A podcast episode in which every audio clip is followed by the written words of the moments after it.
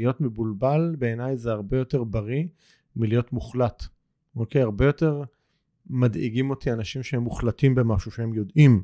אני חושב שאף אחד, no one knows shit, בסדר? נכון. היום. אף אחד לא יודע שיט, לא יודע שיט, כולל המנהיגים שלנו.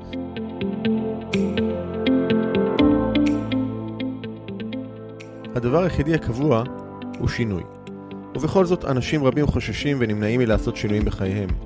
השינוי מוציא אותנו מחוץ לאזורי הנוחות ואל עבר חוסר הוודאות שלרוב מפחיד אותנו מאוד. ובכל זאת, ישנם אנשים שמוכנים להתמסר לתהליכי השינוי, ולא רק לשנות, אלא בעיקר להשתנות, ולהמציא את עצמם שוב ושוב מחדש. בפודקאסט עושים שינוי, תוכלו לשמוע את האנשים שמשחקים all in ועושים את מה שצריך, במקום את מה שנוח, כדי לחיות חיים מלאים ובעלי משמעות.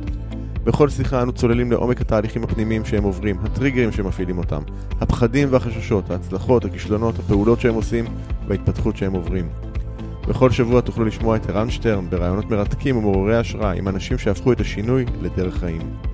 לפרקים נוספים בפודקאסט תיכנסו לאתר doingchange.co.il או חפשו עושים שינוי באפליקציות הפודקאסט המובילות iTunes, Spotify, Google Podcast ואחרות.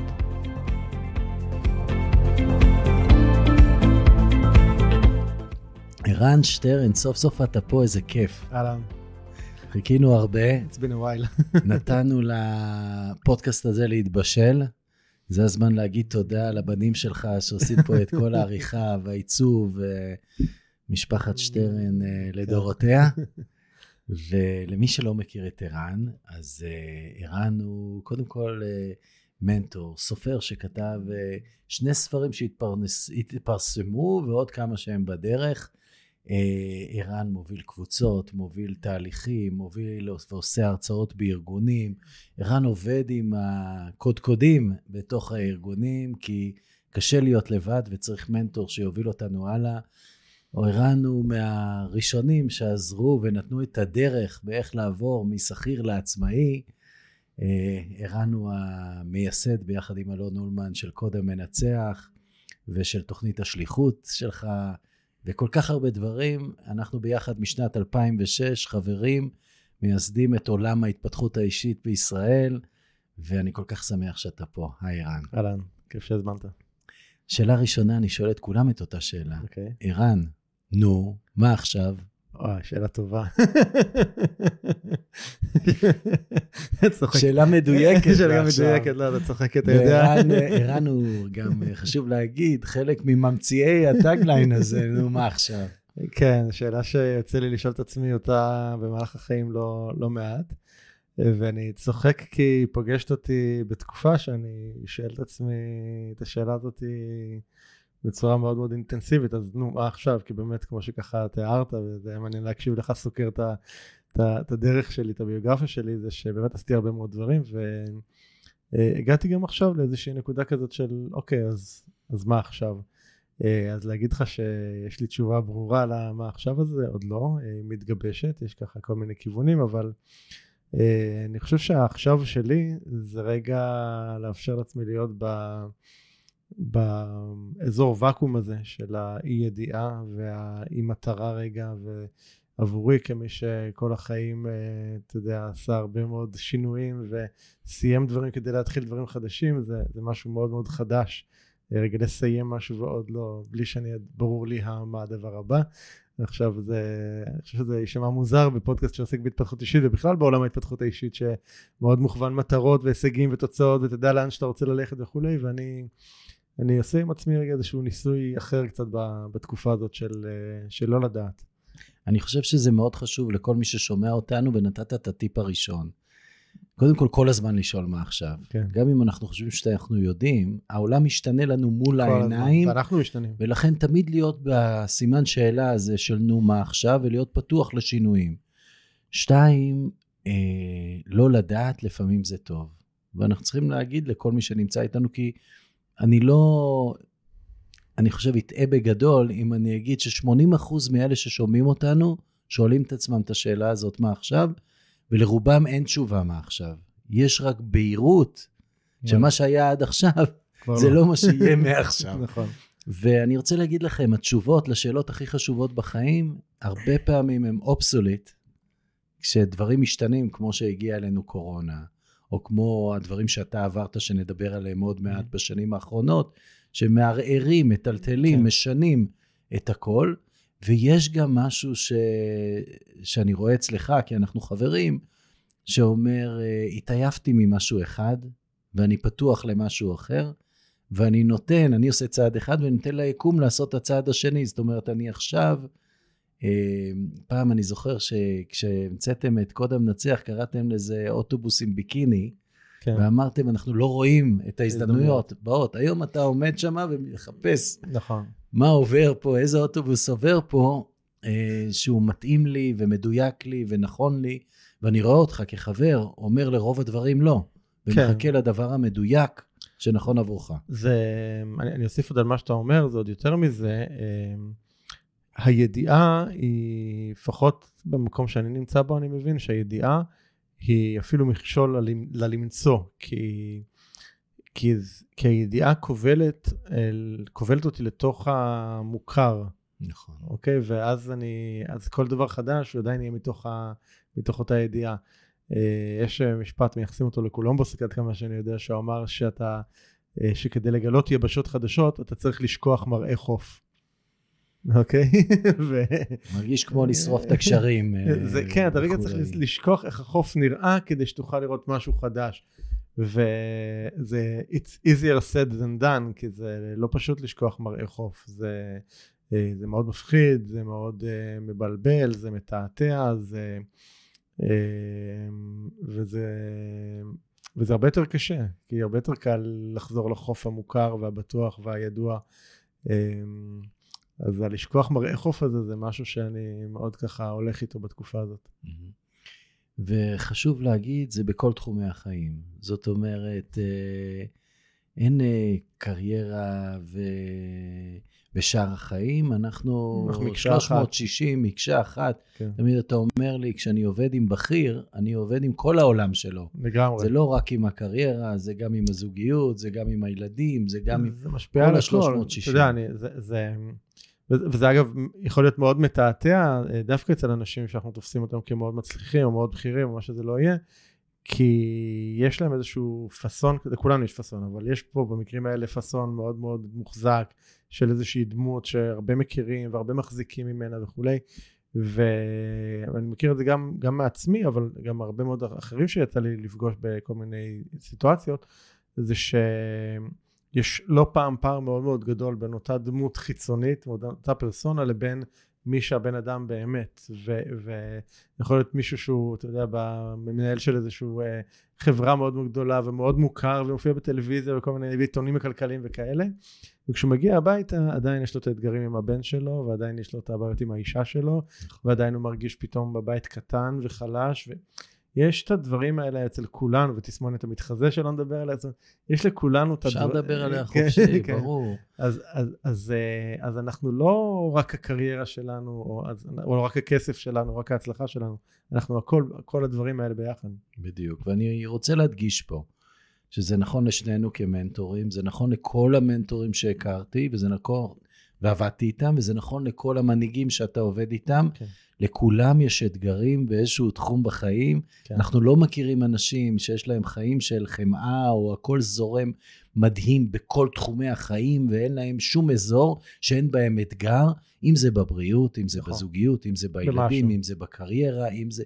תמיד יש משהו, ואלה החיים בעצם. זה החיים ואגב זה, וזה אחד הדברים שאני גם חושב שחשוב להבין במיוחד שאנחנו עוסקים בהתפתחות אישית כי יש כתבתי לא מזמן אה, איזשהו מאמר מאוד ארוך שנקרא הצד האפל של עולם ההתפתחות האישית זוכרת?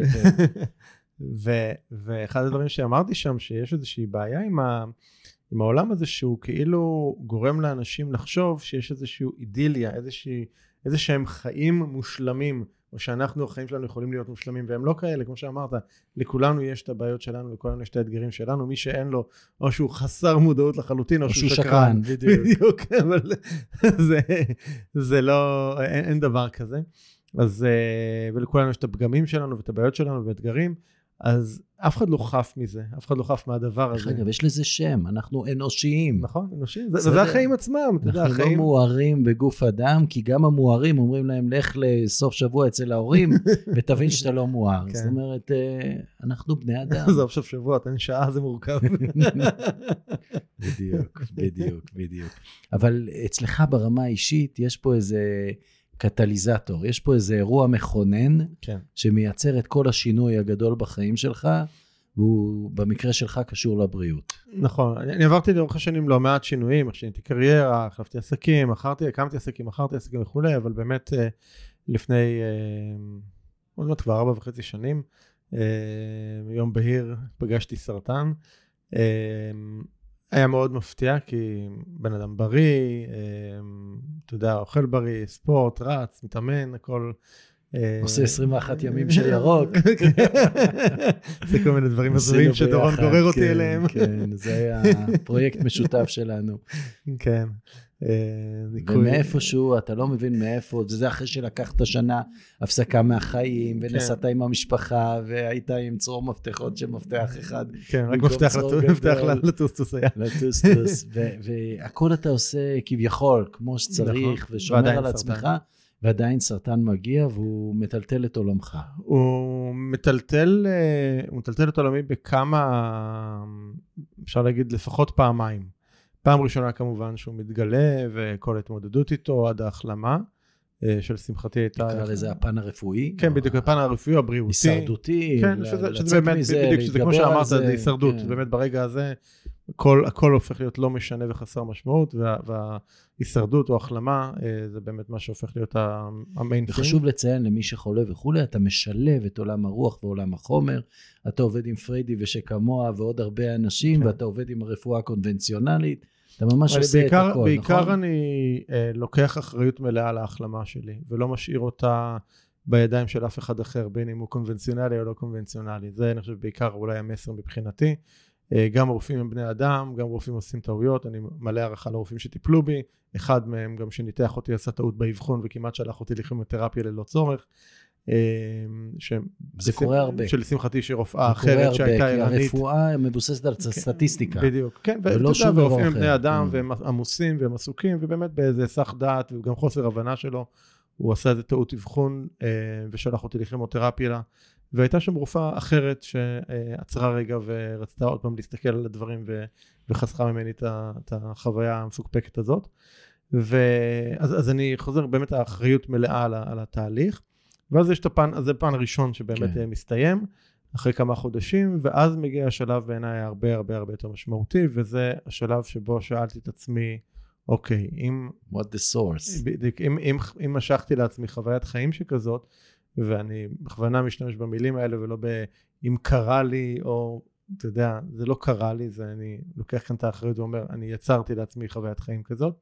אם יצרתי לעצמי חוויית חיים כזאת, כדאי שאני אבין היטב ולעומק מה המשמעות שלה ולמה עשיתי את זה. וכאן, וכאן בעצם הוא מטלטל אותנו בפעם השנייה, ואני אה, נכנס פה באמת לתהליכי עומק מאוד מאוד מאוד משמעותיים, ובגדול לא משאיר אבן על אבן אה, בחיים שלי, ואולי פעם ראשונה בחיים שלי מוכן להסתכל על כל היבטי החיים, אה, בלי יוצא מהכלל, ולבחון מה, מה קורה שם ואיפה אני מולם, ומה נכון לי כבר ומה מה נכון לי כבר ומה כבר לא. Mhm.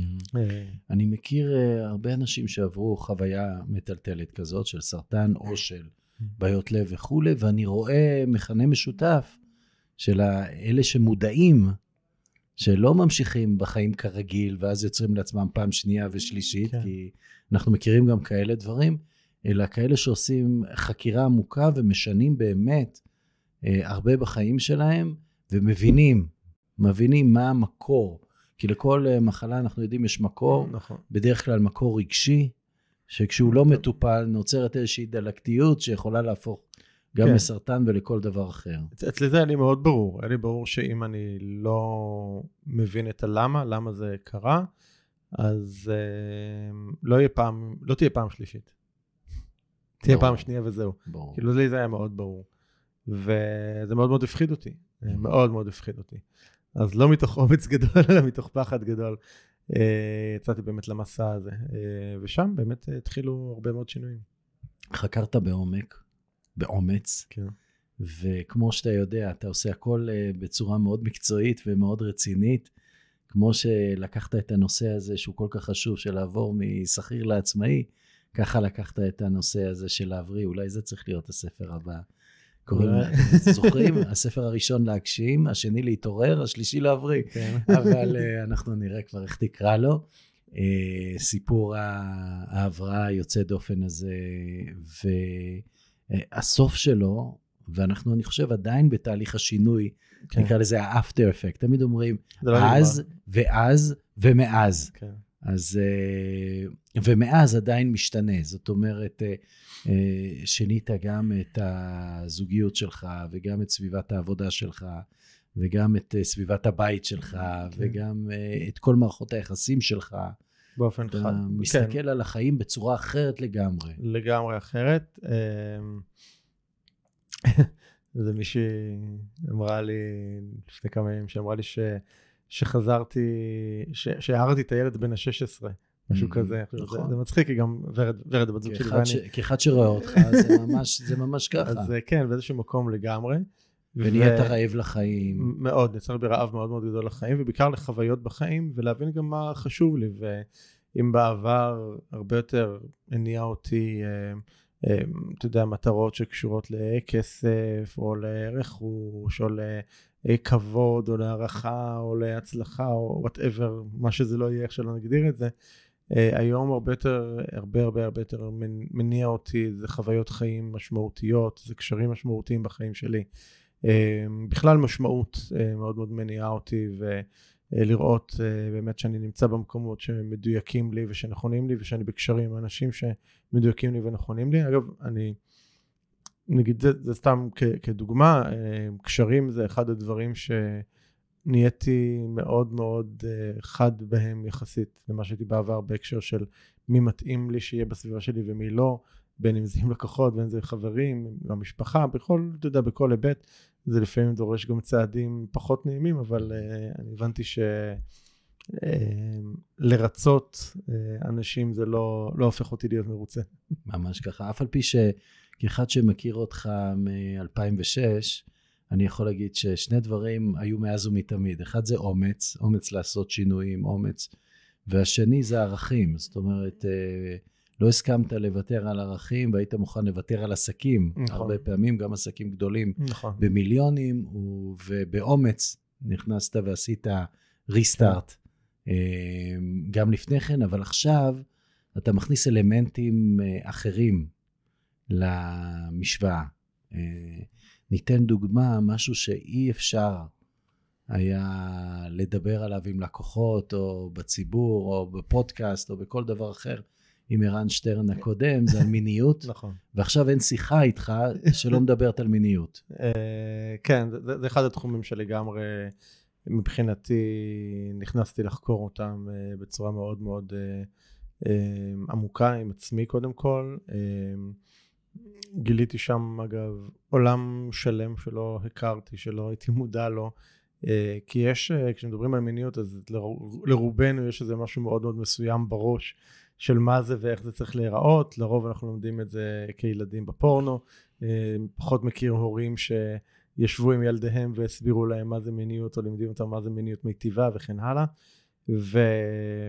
ובאמת אה, מבחינה הזאת עברתי הרבה מאוד אה, גם חוויות וגם התנסויות וגם בעיקר חקירה, גם חקירה שניסיון ביחד עם בת הזוג שלי של אה, על העולם הזה, ו- וזה משהו שהוא הרבה יותר רחב ממה שאנחנו מכירים אותו כסקס. נכון. אה, אנרגיה מינית היא אנרגיית חיים, היא אנרגיה מאוד מאוד חזקה, היא מאוד מאוד משמעותית, היא קשורה ליצר, יצירה, יצירתיות, זה בא מאותו מקום, זה מאותו שורש, כנראה לא סתם, גם לא רק בשפה, אלא גם במציאות, זו אותה צ'קרה, אה, צ'קרת המין, ו... ו- כשהאנרגיה המינית היא נמוכה בחיים שלנו, אז כל אנרגיית החיים שלנו נמוכה. אפשר לראות את זה בעיניים של בן אדם, אוקיי? מסתכלים בעיניים של בן אדם, ואצל הרבה מאוד אנשים רואים שהן כבויות.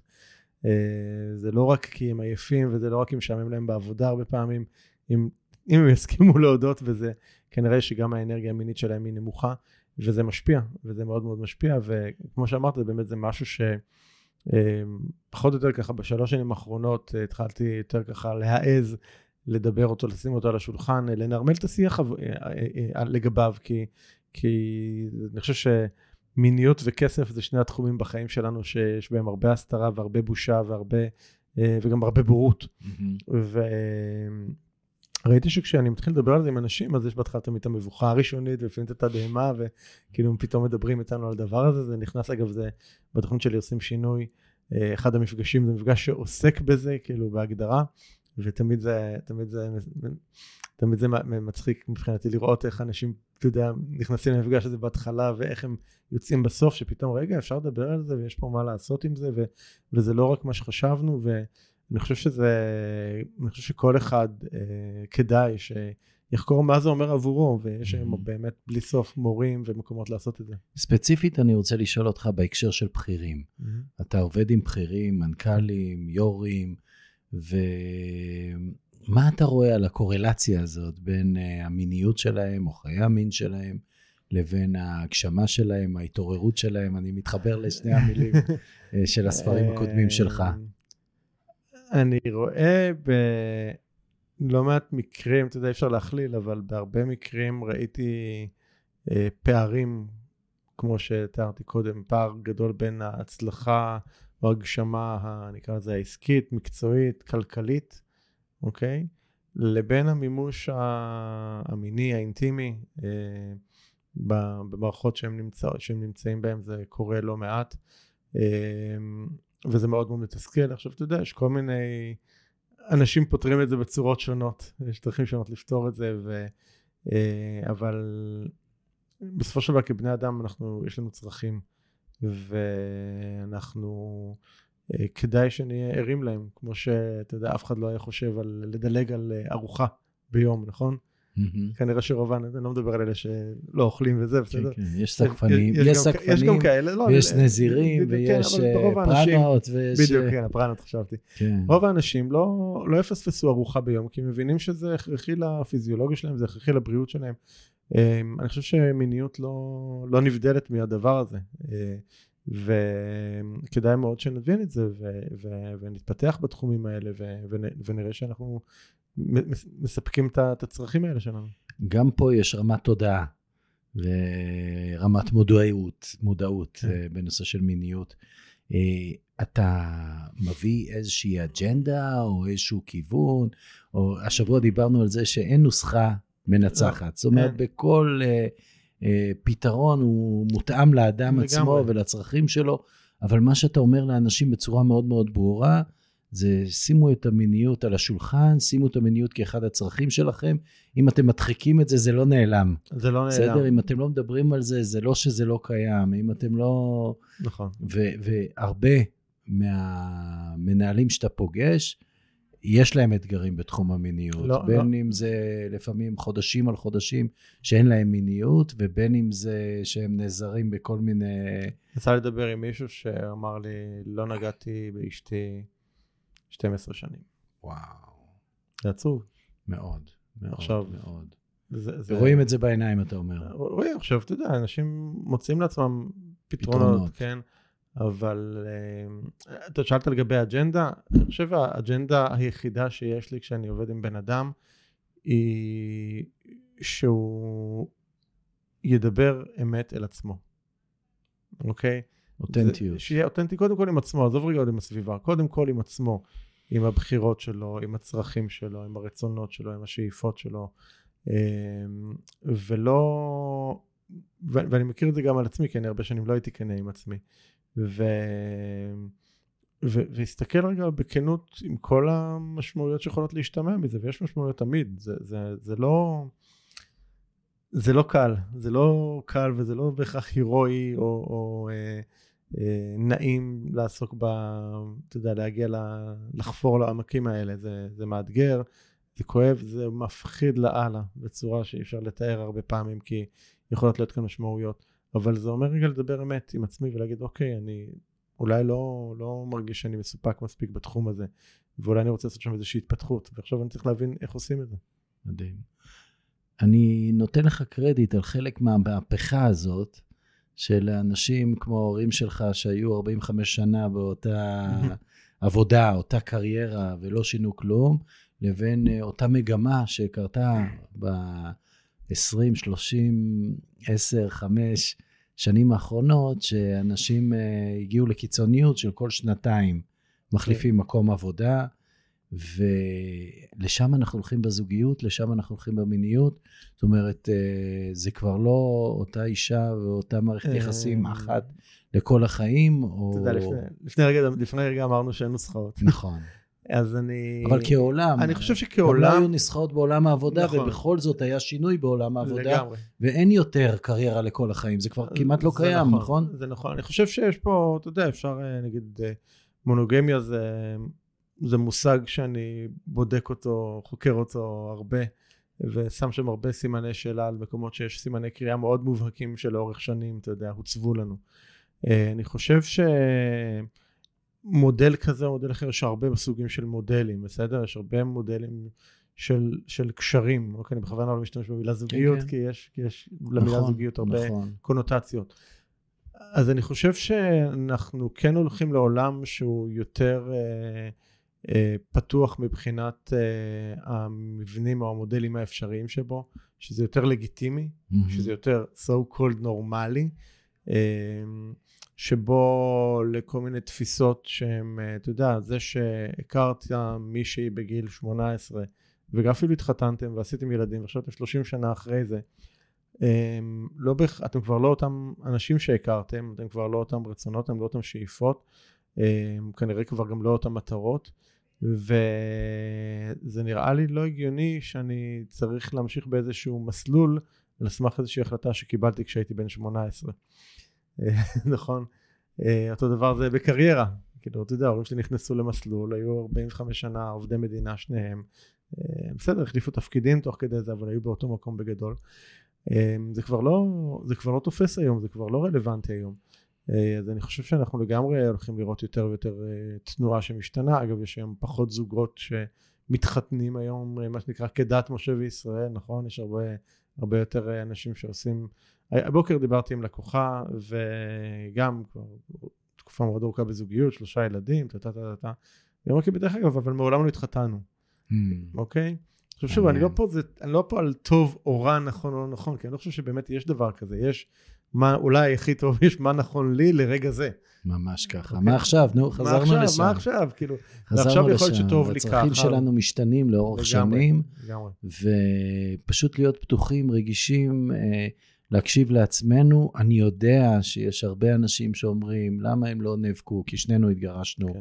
באמצע החיים. למה הם לא עשו את הכל Mm-hmm. בשביל לתקן? כן. יש כאלה שאפילו נותנים לזה לייבל של נכשלו, ויש. אחרים שממש אומרים, חבר'ה, אנחנו משתנים, כמו שאתה אמרת, וכמו שאנחנו מחליפים קריירה, הרבה פעמים אנחנו מחליפים אהבות, כן. אה, ואנחנו צריכים להיות ישרים עם עצמנו, מה טוב עבורנו. ויש כאלה, חשוב להדגיש, שכן, טוב, כן לגמרי. מוצאים את האחד לכל החיים, וזה מחזיק, וזה עובד, וזה טוב לשניהם, והכול טוב ויפה, ואנחנו הכי מפרגנים להם בעולם. לא, אחלה, אני, שוב, אני, אני פה, אין לי פה, באמת אין לי פה אג'נדה כזו או אחרת.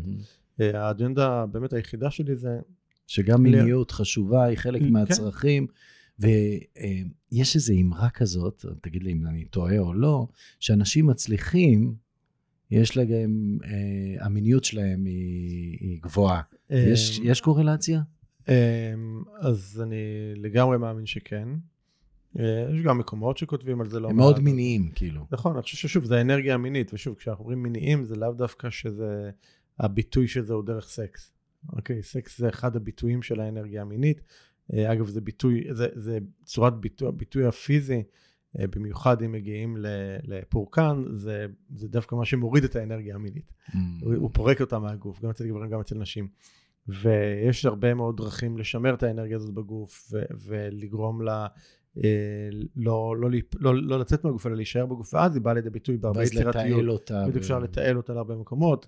אה, אתה יודע, יש אנשים שמדברים על זה שזה מביא את הבן אדם לרמות גאונות גם, כאילו ברמה של ליצור ממש חיבור גבוה סוג של אפילו יכולת תקשור כזאת אחרת.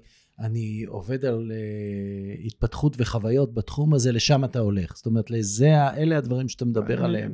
כן, כל לאיך מיני- להטמיר את האנרגיה להטמיר המינית, את ואיך האנרגיה, להגביר וגם, אותה. אה, וגם לחקור מה זה בשבילי, ואיך, ואיך זה עובד, וגם, אה, שוב, התנסויות שונות כאלה ואחרות, ש, של בכלל לחקור מה זה מיניות בשבילי, איך היא באה לידי ביטוי, אתה יודע, יש, ושוב, אני, אני חושב שזה תחום שאין לנו, ש- בו, לרוב, ברוב המקרים אין בו שום השכלה, שום חינוך ראוי, שום, אה, אה, שום מודל טוב שאנחנו יכולים להסתכל או ללמוד ממנו.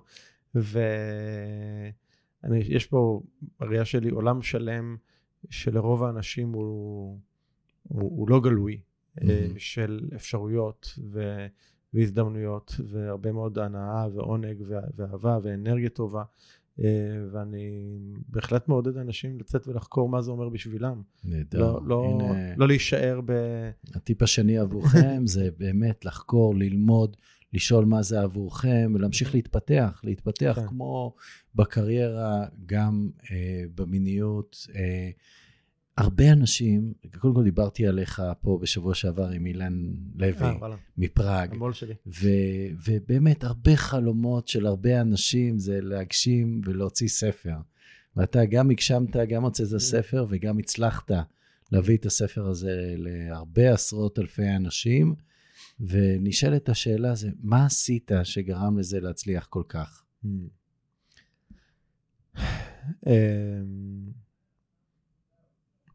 אתה יודע, הדבר הקלישאתי יהיה לומר זה שמאוד רציתי שהוא יצליח, אבל אני חושב שזה אולי... כולם רוצים.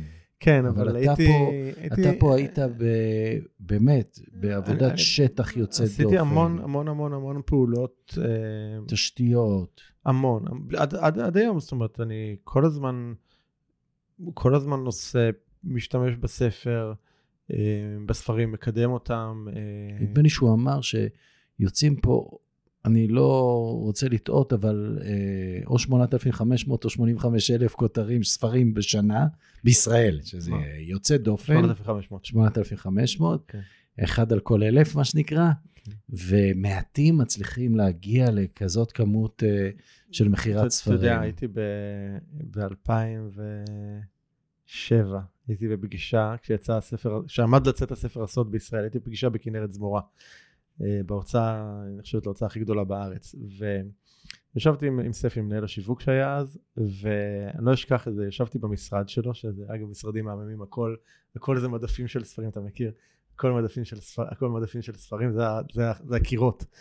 ועל השולחן שלו ערימות של ספרים, ועל הרצפה מסביבו ערימות של ספרים, ערימות, אני מדבר איתך גובה מטר וחצי ערימות של ספרים. והוא מסתכל ואומר לי, אתה רואה הספר, רק הספרים שעל השולחן שלי זה הספרים מהשבועיים האחרונים, אנחנו מוציאים כל יום ספר חדש, משהו כמו 300 ספרים בשנה. ואתה יודע אבל מה עצוב? רוב הספרים שאתה רואה כאן לא, לא ימכרו אלף. לא ימכרו אלף, ואנחנו כנראה נגרוס הרבה מהם. כאילו, גור... זה יוצר, יוצר מצב שהרבה ספרים, האחסון יותר יקר, כאילו יקר לאחסן אותם, אז פשוט גורסים אותם עד כמה שזה עצוב. ו... אז כן, אנחנו, אנחנו במדינה קטנה יחסית שמוציאה הרבה ספרים, אנחנו מוציאים ספרים כמו צרפת פחות או יותר. שצרפת בערך פי עשר באוכלוסייה מאיתנו, מדהים. אז, אז אה, זה פחות או יותר היחס.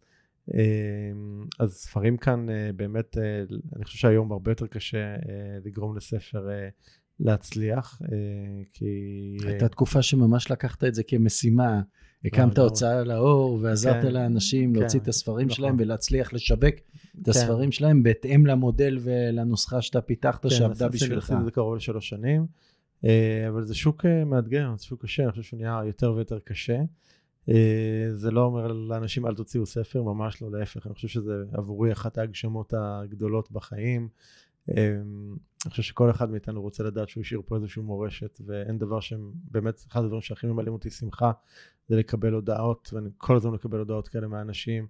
קראתי את הספר שלך, או שמעתי. אותו, לא משנה, אני רוצה להגיד פה משהו שאני שומע מאנשים, שהספר שלך נמצא בכל מיני מקומות בעולם, בהודו ובתאילנד ובנפאל, לצד הספר של רובין שרמה. הנזיר שמכר את הפרארי, ולצד האלכימאי של פאולו קואלו. זאת אומרת, זה, זה one of the three, שזה שאני- יוצא כי- דופן. אני הייתי מקבל, אני מקבל עד לפעמים תמונות מכל מיני, יש לי תמונה של איזה לקוח. בנפאל ששלח לי ש... ש... הרי, הרי יש הרבה החלפות ספרים, כאילו בין מטיילים, אני גם כשאנחנו טיילנו, גם אני החלפתי המון ספרים. ו... אז הוא, הוא שלח לי באמת איזשהו צילום שלו עם הספר שלי, שהוא באיזה guest house בנפאל, פגש אותו על איזשהו מדף. אה, אז כן, זה, זה כל כך מקס, מקסים שלהגשים זה הגשמה שלך. לגמרי. וזה מוביל אותי לנקודה שבה אנחנו נמצאים עכשיו, שדיברנו עליה. אני תמיד הייתי מלמד בעבר, ממש זה היה tagline בהתחלה חדשה של What's next, מה הדבר הבא. כן. וממש עבדתי עם כל אחד, גם אם הוא עכשיו נכנס לתפקיד חדש, לשאול את עצמו, אוקיי, מה הלאה, ולבנות את התוכנית כן. שתוביל אותו, שהוא ידע מי, מי הוא, מה הוא רוצה, להשיג את מה שהוא רוצה, להצליח במה שהוא רוצה, ועוד פעם לשאול כן. מי אני ומה אני רוצה.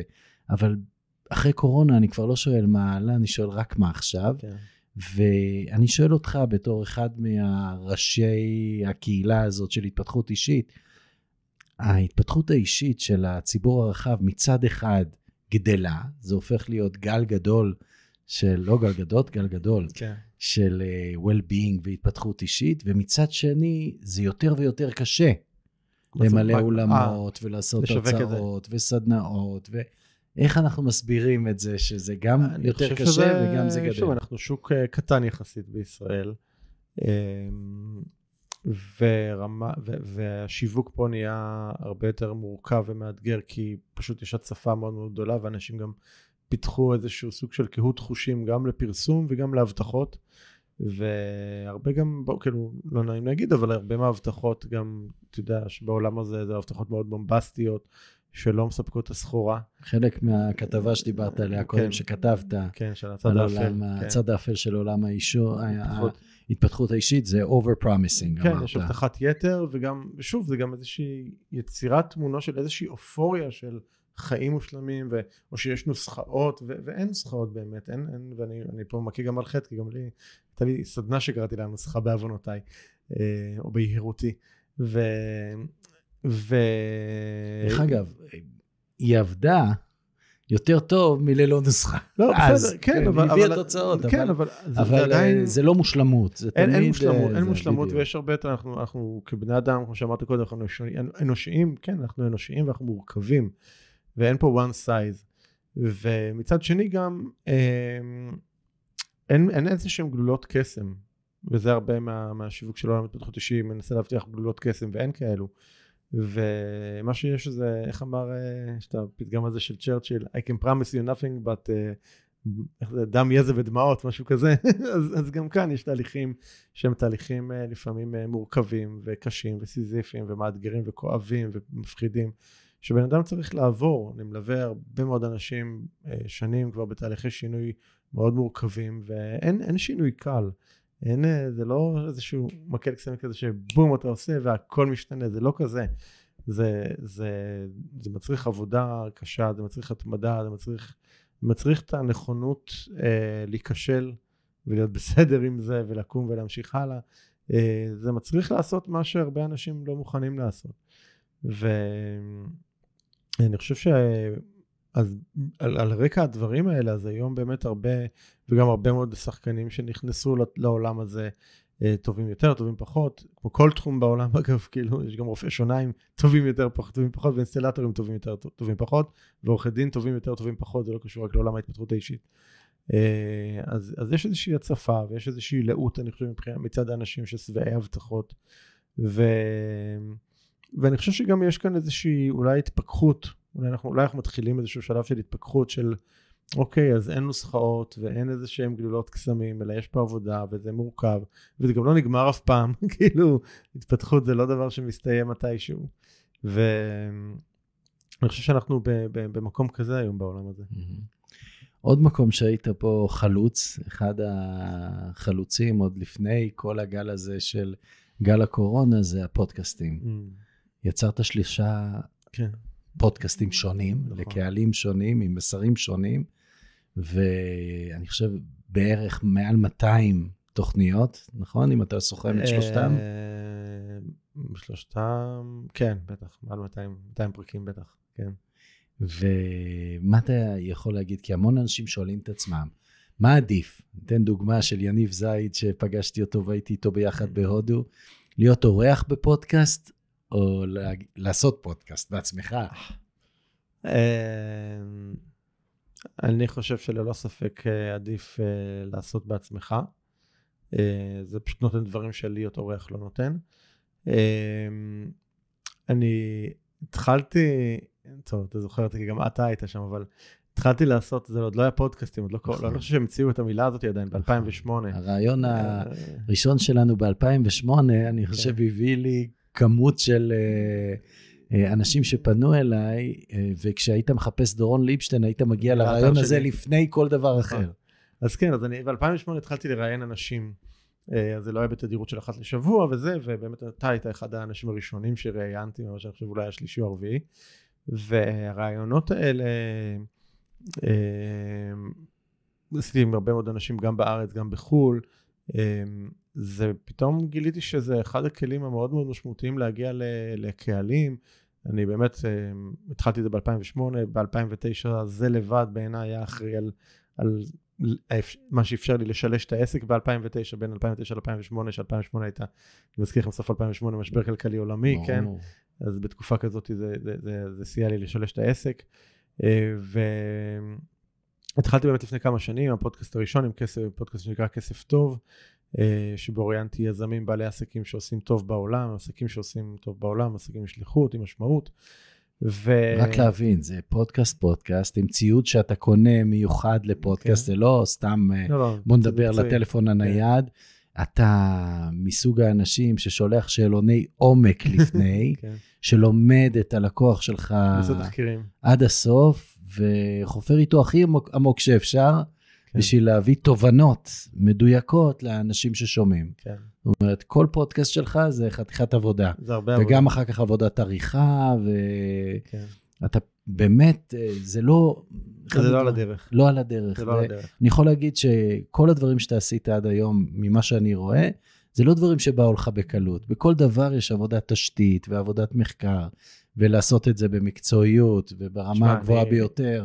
ואתה מבין שלעשות דברים ברמה הגבוהה מביא תוצאות, ולעשות את הדברים ברמה בינונית לא מביא. לא, לגמרי. אה, לגבי הפודקאסטים, אגב, אני קרוב לחצי שנה לפני שיצאתי עם כסף טוב, אני חקרתי את העולם הזה, למרות שעשיתי ראיונות שוב מ-2008 וזה, הבנתי שזה משחק אחר, קצת רציתי להבין אותו.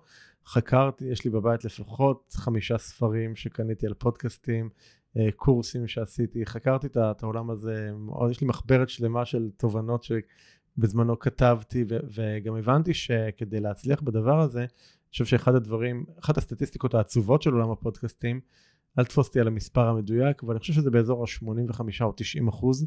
לא עוברים את העשרה. מהפודקאסטים שלא עוברים את העשרה פרקים, או שאין כן. להם, ש, שכאילו ש, שנעצרו ואין להם פרקים חדשים. זה סטטיסטיקה מאוד עגומה. ואני אמרתי, אני לא רוצה להתחיל שום דבר אם זו הסטטיסטיקה ואם זה מה שהולך לקרות. אני חייב לפצח איזשהו תהליך שיעבוד לי, שבצורה עקבית יוצא לי פרק כל שבוע, בלי שאני נלחץ או מלחיץ את עצמי ואת המערכת שלי מהדבר הזה. ולקח לי זמן רגע לפצח את הדבר הזה ופיצחתי אותו עבורי. היום זה בדיוק מה שהבנים שלי עושים בעצם, ב, ב, ב, הקמתי בעצם לפני כשנתיים, הבנים, שני הבנים שלי הגדולים, סוכנות פודקאסטים שנקראת ווידו. עכשיו זה שלהם, הם עושים את זה. ובתוך הדבר הזה בעצם אה, כל, כל מה שלמדתי וכל המתודולוגיה ואיך שהם עובדים זה נכנס בעצם לשיטות עבודה שלהם והם פיתחו את זה עוד הרבה מעבר אה, אליי אחר כך. אבל באמת הבנתי ש, שזה משחק אחר זה, זה משחק שהעקביות פה היא, היא, היא, היא פקטור מאוד מאוד משמעותי להוציא פרק כל שבוע בצורה עקבית באיכות גבוהה עם מרואיינים טובים להגיע לעומק בשיחות עם המרואיינים זה בעיניי אחד, שוב זה אני עושה בשביל העונג האישי שלי, זאת אומרת אני חושב שזה אחד המתנות מבחינתי בפודקאסט, זה באמת היכולת לפגוש אנשים מאוד מעניינים שאולי בנסיבות אחרות לא הייתי מצליח לשבת איתם על שעה או שעה וחצי של שיחת עומק אינטימית, אה, בעיניי זה, זה מדהים. לדוגמה עכשיו אתה מחפש מנכ"לים, שמוכנים להיות אותנטיים ולפתוח כן. את uh, ליבם ולשתף במסע שלהם נכון. ובקשיים שלהם, זה נורא חשוב, גם כן. בקשיים שלהם, ו... וככה להעביר את המורשת שלהם הלאה. כן, וגם להראות, זה, זה פודקאסט השלישי שנקרא בודדים בצמרת, ובאמת הוא עם בכירים, והרעיון כאן זה, זה, זה להראות ש... כמו שאמרתי קודם, אנחנו לא מושלמים, יש לכולנו דרך, יש לכולנו אתגרים והתמודדויות, וזה חשוב, אה, חשוב להביא את הקול הזה, אני חושב, כי, כי שוב, זה, זה גם התקשורת שתמיד מראה לנו את הניצחונות הגדולים של האנשים, וגם עולם ההתפתחות האישית שאוהב לדבר על ההישגים ועל הפסגות. פחות מדברים על הדרך ועל הסיזיפיות ועל הקשיים ועל המכשולים ועל, ה, ועל, ועל, ועל הפחדים והתמודדויות, פחות מדברים על הדברים האלה, ו, וחשוב לי להביא אותם, כי זו האמת. וכשאתה אומר קודם, אה, אני לא מלחיץ את עצמי ואני מקליט דברים קדימה, זה מה שמאפשר לך עכשיו להיות במה עכשיו, כן. כי הקלטת עד סוף יוני ואתה בעניין הזה קדימה. מסודר. כן. ולא עובד בלחץ של אה, חייב לראיין השבוע בשביל לא, לא השידור. ביום חמישי. אני, אני יכול להגיד שהפודקאסט הזה שעכשיו אנחנו מקליטים, יעלה לאוויר בעוד שישה שבועות אצלי. כן. זאת אומרת, אני תמיד משתדל שיהיו לי חמישה כן. פלוס קדימה. אה, היום על הפרק שהקלטתי לפני שלושה חודשים בערך. וואו. כן, היום. אז, אה, אז כן, כי אני לא, לא רוצה להיות בלחץ עם זה. מעולה. כן. ואתה אומר, ואומרים לי את זה אנשים שהתראיינו אצלך, וגם אני חוויתי את זה, ששני הצדדים מרוויחים ביג טיים. זאת אומרת, יותר אנשים שומעים את הפודקאסט שלך, הם יותר פונים אליך לתהליכים, להרצאות, להביא אותך לארגונים וכולי. זה כלי סופר משמעותי היום, כלי נכון. של תוכן, כלי של שיווק, כלי של קידום, וזה מביא גם המון המון ערך למי שמתראיין אצלך. אני יודע מכמה לקוחות שלי שהגיעו אליך, שהיה להם אה, ממש אה, ים של לקוחות בעקבות הפודקאסט איתך. זאת אומרת, תסביר פה את הנקודה הזאת של ההשפעה העסקית של פודקאסט היום. אני חושב שאחד ה... אתה יודע, גם, יש, גם פודקאסטים יש הרבה מאוד סוגים, יש קצרים, יש ארוכים, יש כל מיני וריאציות. אצלך זה יכול להיות שעה וחצי, אה, שעתיים. כן, כאילו. אני היום טיפה קצת יותר, אה, קצת יותר לקצר, אז אני איפשהו בסביבות השעה, שעה ועשר, אבל הגעתי גם לפודקאסטים של שעה וחצי, שעה וארבעים, שעתיים גם. היה לי פודקאסט ארוך במיוחד של מעל שעתיים וחצי, שפשוט חילקתי אותו לשני פרקים, כי זה היה too much. לא הייתה ברירה. זה היה too much כבר, כן, זה, זה פשוט היה... והפודקאסט המאה שלך היה ב live event, והוא לקח לדעתי איזה שלוש שעות. אה, כן, לא את כולו הכנסנו בסוף לשידור, אבל הפרק הבסיסי הוא שעתיים, כן. אה, עשיתי כבר ארבעה פרקים מול קהל שצילמנו. אה, שזה יוצא דופן, נכון? אין הרבה פודקאסטים. כן, אין הרבה, עושים את זה אבל לא הרבה. אוקיי. עכשיו עושים את זה קצת יותר. שזה גם משהו מאוד כיפי, כי בעצם הקהל הופך להיות חלק מה, מההתרחשות, ויש אנרגיה אחרת מאשר שאתה יושב בן אדם לבד בחדר. אבל אני חושב שבאמת, ה... בגלל שאני נכנס לשיחות עמוקות עם אנשים, אז זה מאפשר ל... למאזינים להכיר גם אותי וגם את הבן אדם שאני מראיין בצורה הרבה יותר אינטימית והרבה יותר עמוקה מ... מ... מבדרך כלל, בטח מאשר בסרטון אינסטגרם של 30 שניות. אז uh, אני חושב שהעומק הזה הוא כלי מאוד מאוד משמעותי לבנות אמון ולבנות uh, היכרות עם הבן אדם. אני אתה יודע כמה פעמים אני שומע מהאנשים שאני פוגש, אני פוגש אותם לראשונה, שאומרים לי, אני מכיר אותך, אני יודע על הזוגיות שלך עם ורד. היום אמרה לי הלקוחה, תקשיב, זה היה קטע גדול. היום הלקוחה שדיברתי איתה הבוקר אמרה לי, שסיפרתי לבעלי שאני, שסגרתי איתך פגישה, אז אמרה לי, וואי, איזה יופי וזה. ואת יודעת איפה הוא הכיר את הבת זוג שלו? באיזה סדנה? אז, כן. אז, הם, הם, אז, אז שוב, עכשיו שוב, אני גם אגיד ש, שבסופו של דבר, אני גם בן אדם מאוד פרטי, ואני לא אגיד שום דבר שאני לא... מתכוון. לא ארצה לחשוף. אז, אז אני, אני, אז יש פה איזשהו מין... אבל זה אחד הדברים שלך היום, לצאת מאזור הנוחות, ולדבר כן. על דברים שפעם לא היית מדבר עליהם. היה לי, אפרופו להתראיין בפודקאסטים, אני לפני בערך שנה, הוזמנתי להתראיין בפודקאסט שנקרא הפודקאסט העירום של שרון גדרון. מתפשטים בו. זה פודקאסט שתוך כדי ראיון מסירים את הבגדים עד שיושבים בעירום מלא. וואו. אה, היא ואני. חבר'ה, אל תתלהבו, לא רואים את לא, זה לא בשידור, זה רק אה, באודיו, אבל מרגישים את האנרגיה. לגמרי, וזה, תקשיב, זו הייתה אחת החוויות הכיפיות. לא אה, מביך, כיף? נורא מביך, ברור שמביך. נורא, ברור שמביך. גם היא משתפת מאוד במבוחה שלה. לא, לגמרי, ומדברים, ופתאום שואלת אותך על איברי גוף, מה אתה ונראה אוהב, ומה שהיית. אחד הראשונים שם. אני פרק 7 לדעתי. פרק כן. 7. וזה היה, זה היה נורא מצחיק, היא התקשרה אליי, וכאילו הכרתי את השם, אבל לא הייתה למי לנו שום... שרואה אותנו בווידאו, תסתכלו עכשיו על הפרצוף שלו, איך הוא התעורר, ואיך הוא מחייך, ואיזה שמחת חיים נכנסה. אז, אז זה היה, התקשרה אליי, אנחנו, אנחנו, אנחנו מכירים מהברנז'ה, אבל מעולם לא דיברנו קודם. היא מספרת לי על הרעיון, ועוברות לי שתי מחשבות בראש. הראשונה זה, וואי, איזה רעיון גדול, איך אני לא חשבתי על זה, כאילו קנאת סופרים כזאת, זה הדבר הראשון. ואני אומר לה, וואי, איזה רעיון פצצה, והדבר השני שעובר לי בראש, אמרה, זה היה no fucking way, אני לא עושה את זה. זה היה המחשבה השנייה. זה ממש מזכיר לי את הקטע שב-21 יום על ירוקים אמרתי לך שיש חוק אין קפה. אמרת מה, שותים קפה? אמרתי לא, הפוך. אז בקיצור, והסתיימה השיחה בזה שאמרתי לה, אני אחשוב על זה, ואחרי אה, אחרי איזה יומיים הסתובבה בוואטסאפ איזה מדבקה כזאת של... אה, שכתוב עליי, יאללה כוס הומו בוא נעשה את זה. ואני פוגש את המדבקה הזאת, ואני חושב עליה, ואני שולח לה את המדבקה, וקבענו.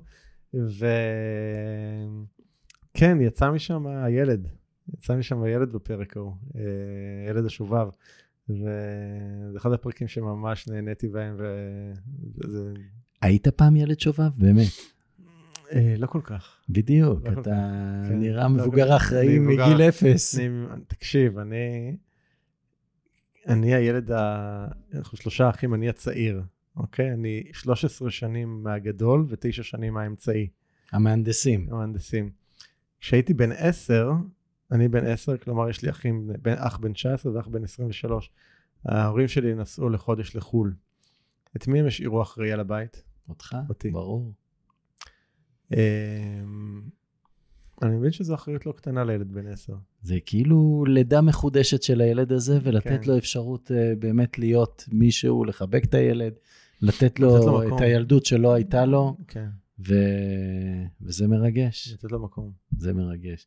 וואו, איזה רעיון אה, אינטימי. ככה זה איתך עכשיו, כל שיחה. זה כן. מי שאתה מביא כן. למציאות עכשיו. ואחד הדברים אה, שאנחנו רואים זה הכל פתוח. אה, אנרגיית נכון. החיים נכנסת, לא רק המיניות ולא רק היצירתיות ולא רק העסקים ולא רק העניין, אלא בכלל, אנחנו מאפשרים לדברים אה, להגיע. המון אנשים עכשיו מבולבלים. מה העצה כן. שלך למבולבלים? אני חושב שהדבר הראשון זה הכל טוב.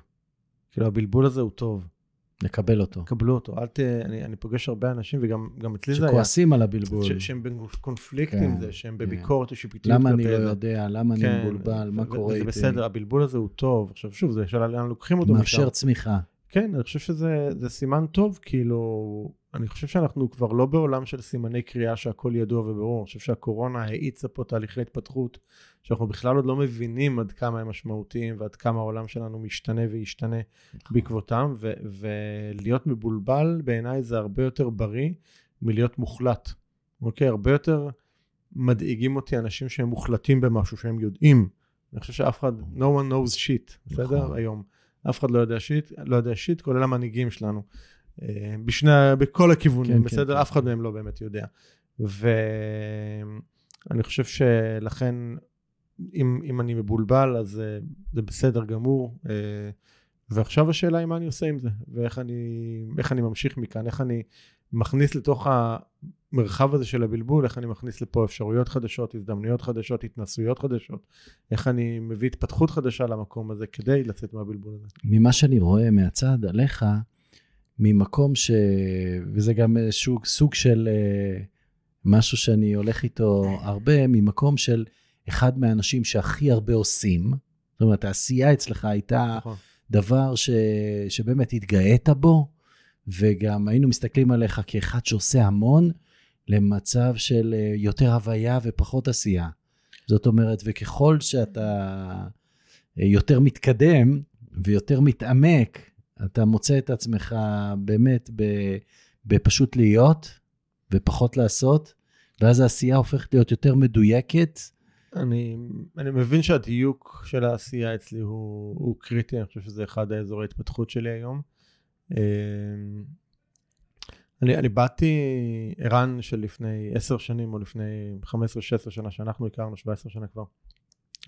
אה, זה היה ערן שמאוד מאוד בדואינג, ערן שהוא היה סוס עבודה, היה מכונה. אה, יודע לגרום לדברים לקרות. מכין 15 חכות בשביל כן. להביא את הדג. כן, לגמרי, כאילו, מאוד מאוד, מאוד מאוד בדואינג, מאוד מאוד בעשייה, ואני היום הרבה יותר, לא יודע אם הוויה זה המילה שהייתי בהכרח משתמש בה, אבל יותר, אני חושב, יותר בחקירה. יותר במקום של גם התבוננות, גם החוצה וגם פנימה, וגם ב, בהתנסות בדברים, עוד בלי לנסות לפתח סביבם בהכרח מודלים ותוכניות עסקיות, ו... אלא פשוט רגע להרגיש אותם. סתם כמו אחד הדברים שלאחרונה החזרתי מהילדות שלי, את האהבה שלי לתקלט ולמוזיקה אה, ולזה. עשית שני אירועים. עשיתי שני אה, מסיבות שארגנתי ותקלטתי בהן. כן. כן, ולא ממקום עכשיו של זה המודל העסקי, ואני חושב איך לעשות בר מצוות וחתונות. פשוט fun. אה, פשוט כי... פשוט לענות. להרגיש את זה רגע, מה זה אומר להיות בצד הזה של ה... של הקונסולה ולראות קהל שרוקד ולשחק עם המוזיקה ולהבין מוזיקה ולראות מה עובד יותר ומה עובד פחות ולשחק עם הדבר הזה. כמובן שגם פה אתה לומד את זה במקצוענות ואתה עושה את זה כמו שצריך ולא... כי, כי אני נהנה מזה, אני כן. נהנה, אני, אני בן אדם לומד כל הזמן ואני... אני, אבל אני... אתה לא חובבן, אתה מקצוען במה שאתה עושה, גם אם אתה בוחר כן, לעשות... אה, זה אני. בדיוק, אני, בדיוק. אני... ואת זה אתה מביא לכל מקום, את מי שאתה באמת. ערן, קודם כל תודה. Okay. אוקיי. תודה על הזמן, תודה על ה... הפתיחות, תודה על האינטימיות בשיחה הזאת, אני אומר גם לכם. זהו, עד כאן לפרק של היום. אם אהבתם את הפרק, אל תשכחו לדרג את הפודקאסט ב iTunes, Spotify, Google Podcast, SoundCloud, YouTube או בכל פלטפורמה אחרת שדרכה אתם מאזינים לנו כרגע. תוכלו למצוא אותו באתר הפודקאסט doingchange.co.il את כל הכישורים הרלוונטיים לפרק הזה. שם גם תוכלו להירשם לפודקאסט ואנו נשלח לכם תזכורת בכל פעם שאנחנו מעלים פרק חדש. נרשמים באתר doingchange.co.il. אני מזמין אתכם לכתוב לי תגובות, מה אהבתם, את מי תרצו לשמוע בפרקים הבאים, או כל הערה והערה אחרת שיש לכם. אתם מוזמנים לשלוח לי ישירות למייל feedback at ערנסטרן.co.il או בפייסבוק שלי facebook.com/ערנפנפייג'. אם אהבתם את הפרק הזה, אל תשאירו את כל הטוב הזה רק לעצמכם. בטוח שיש לכם חברים שרוצים גם הם לעבור שינוי. שתפו אותם ושילחו להם את הפרק. ומילה אחרונה, אבל חשובה. אם קיבלתם השראה מהפודקאסט ואתם מרגישים את השינוי בוער בכם, אם החלטתם שאתם רוצים שינוי ואתם מוכנים לעשות את מה שצריך ולא את מה שנוח כדי ליצור את השינוי הזה בחיים שלכם, אני מזמין אתכם לתאם איתנו שיחת בהירות, ללא עלות וללא התחייבות. בשיחה הזו נעזור לכם להתמקד ולהבין כיצד לקדם את השינוי בחייכם. לתיאום השיחה ייכנסו לאתר ערנסטרן.co.il/doingchange ושוב, ערנסטרן.co.il/doingchange. אני ערן שטרן, שמח שהאזנתם ונשתמע בפרק הבא.